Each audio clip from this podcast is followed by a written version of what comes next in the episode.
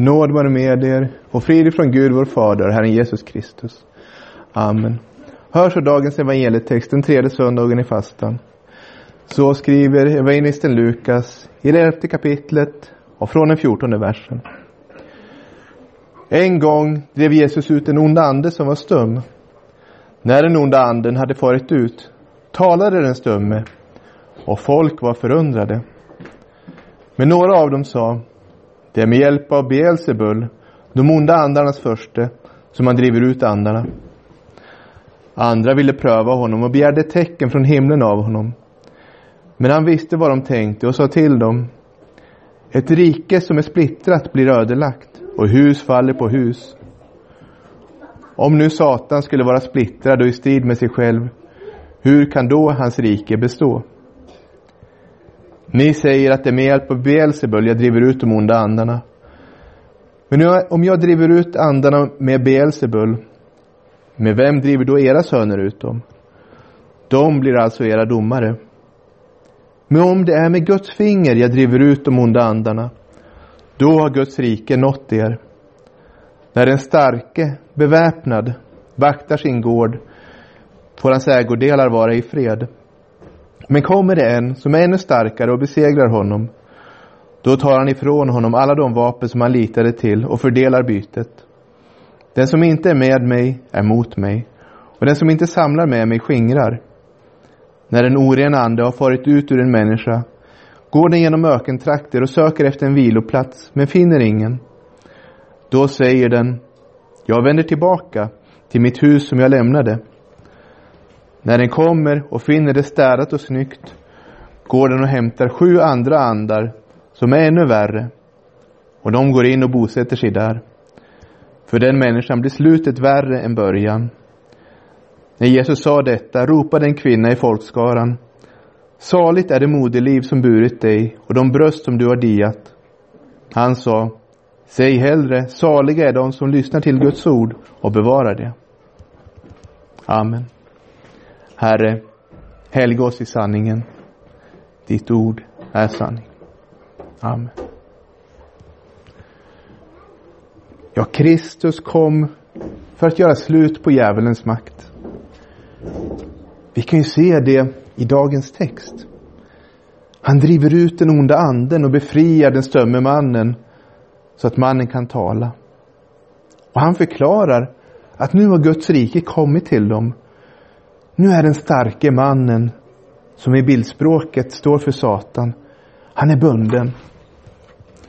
Och de som var fångna hos honom kan föras ut i frihet. När en enskild människa befrias så är det beroende av Jesus seger över Satan. Att Jesus binder djävulen så att sedan alla som varit fångna kan föras ut ur djävulens rike och in i Guds rike. Så är det för alla människor. Vår befrielse är beroende av den stora befrielsen. Vi stod utanför Guds rike på grund av vår skuld till Gud. Genom våra synder och vår syndiga natur stod vi utanför Guds rike och kunde inte komma in. Men Kristus betalade vår skuld och så får vi gå fria och välkomnas till Gud. När vi kommer till tro tar vi emot den befrielse som Kristus redan har vunnit åt oss. Genom evangeliet i ordet och i sakramenten, i dopet och nattvarden överräcks den förlåtelse som Kristus vann på korset. Ja, så är det för oss. Och så har det varit i alla tider. Också innan Kristi verk var fullbordat så kunde det tillräknas människor eftersom det var helt säkert att det skulle fullbordas. Och när Kristus vandrade på jorden kunde djävulen inte stå emot honom. Han försökte fresta honom, men Kristus stod emot. Han försökte få honom att överge vägen mot korset. Men Kristus hade sitt mål bestämt. Några kapitel tidigare läser vi om hur Jesus vände sitt ansikte mot Jerusalem, fast besluten att gå dit. Och nu läser vi om hur han driver ut en ond ande. Att djävulen är bunden och hans fångar befrias. Den stumme mannen som har en ond ande befrias från den onda anden. Han blir fri och han talar.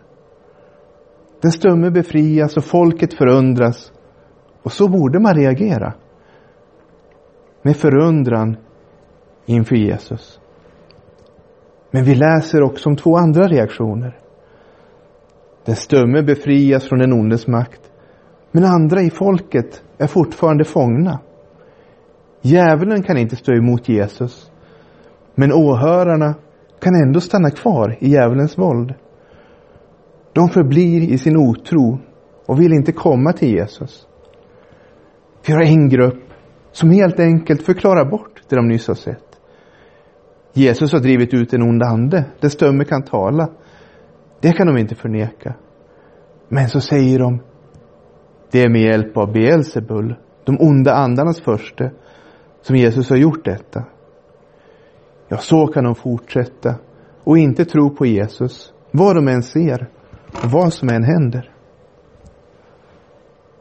Vi har en annan grupp som begär att Jesus ska ge dem ett tecken från himlen. Också de har just sett Jesus göra ett under. Men nu begär de fler underverk.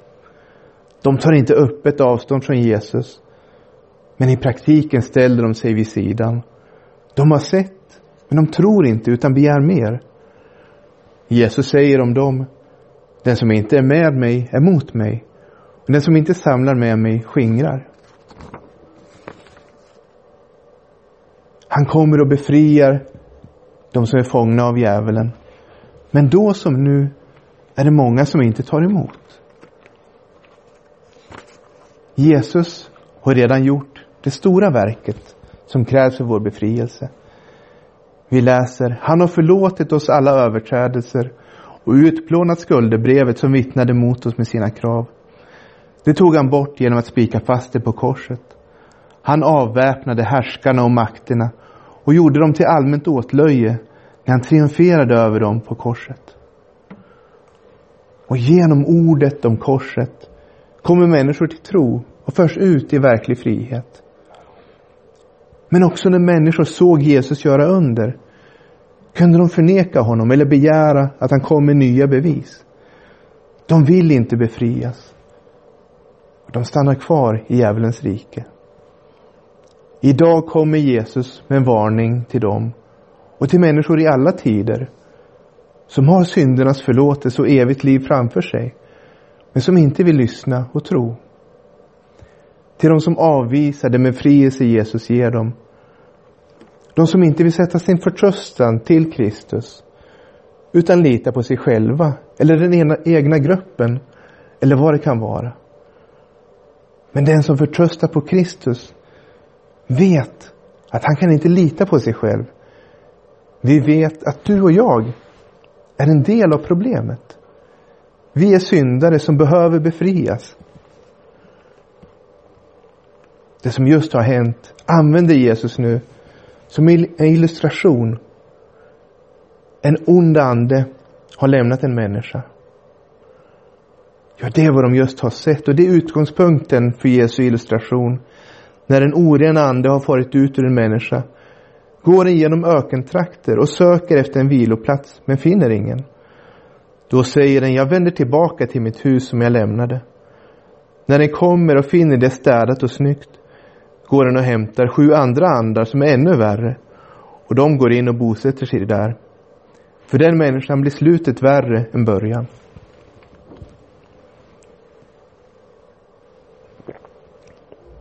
En människa har befriat. Och här handlar det just om att bli fri från något som plågar. Inte den stora befrielsen om skuld inför Gud och ta emot syndernas förlåtelse. Utan hon har blivit befriad från en ond ande. Som inte längre gör henne stum eller på annat sätt begränsar och besvärar henne och gör henne illa. Vi läser ju om onda andar flera gånger i Nya Testamentet. Och de gör illa på olika sätt. Och Jesus kan driva ut dem. Här är en människa som blivit befriad från en ond ande. Och anden ger sig iväg. Och den går genom ökentrakter men finner ingenstans att vila. Då vänder den tillbaka. Och väl tillbaka så är det städat och snyggt. Anden har inget skäl att inte befinna sig där. För vi förstår att inte heller den heliga ande finns i den människan. Anden hämtar nu ytterligare sju andar som är ännu värre. Och alla bosätter som sig, alla de bosätter sig där. Ja, så kan det förstås gå för en människa som blivit befriad från en ond ande och sen ändå inte kommer till tro på Kristus utan lever vidare i otro. Men det är inte poängen här. Utan här vänder sig Jesus till dem som inte varit besatta av någon ande. I Matteus så står det också att det här gäller det här släktet. Det gäller Jesu åhörare. De riskerar att i överförd mening drabbas av detta. Ja, de som har hört Johannes döparen förkunna, som har hört Jesu undervisning. Israel blev på ett sätt mer renat andligt sett under den tiden. Men många trodde ändå inte. Och så blev det ännu värre för dem än tidigare. Jag kan tänka på att templet förstörs 40 år senare. Det är på grund av deras otro. Och det som är mest illa här är ju inte att templet förstörs, det är en konsekvens. Utan det är otron. Och dagens judendom är kvar i den otron och är ännu mer främmande för kristen tro än den var före Jesu tid. För man har avsiktligt tagit avstånd från det som vittnar om kristen tro i de heliga skrifterna de har. Så att man förvränger messianska profetior och sådana saker. Det har blivit värre än vad det var.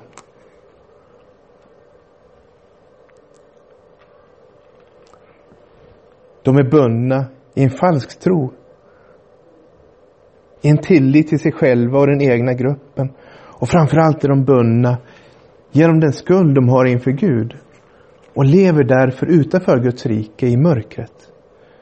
Men det ser de inte, för deras andliga ögon är inte öppna. Ja, när det gäller det andliga så är vi människor inte så goda som vi vill tro. Och när vi blir Guds barn, då kan vi se det tydligare. Vi ser vårt eget mörker och vår egen blindhet till en del. Vi vet att många människor lever hyggliga liv. De kan bidra till samhället, de sköter sina arbeten, de är goda grannar, bra äkta makar och så vidare. Men det gäller på det mellanmänskliga planet. De kan vara bättre än många andra när man jämför med andra människor. Men tilliten till Gud, gudsfruktan och kärleken till Gud, det saknar vi alla av naturen. Också en människa som till det yttre lever i enlighet med Guds lag är inkluderad i beskrivningen som Paulus ger i Efesierbrevet. Ja, han inkluderar också sig själv. Också er har Gud gjort levande, ni som var döda genom era överträdelser och synder. Tidigare levde ni i dem på den här världens vis och följde härskaren över luftens välde, den ande som nu är verksam i olydnadens söner. Bland dem var vi alla en gång, när vi följde våra syndiga begär och gjorde vad köttet och sinnet ville. Av naturen var vi vredens barn, vi liksom de andra. När nu människor ställs inför evangeliet så kommer befrielsen till dem. Och det är fritt att ta emot. Vi lever i en kultur där människor i en mening har nära till evangeliet. Det finns kyrkor överallt. Det är lätt att få tag på en bibel. Den som vill kan finna evangelisk undervisning rent fysiskt i böcker och på olika ställen och på internet. Och vi lever i en kultur som samtidigt allt mer har avlägsnat sig från den kristna tron. Man ser sig som fria. Man böjer sig inte inför Gud. Utan nu ska varje människa få definiera sitt eget liv. Vi har haft en kultur som varit väldigt influerad av den kristna tron och allt mer avlägsnat sig från den. Det har ofta skett i tron att man gjort framsteg på olika sätt.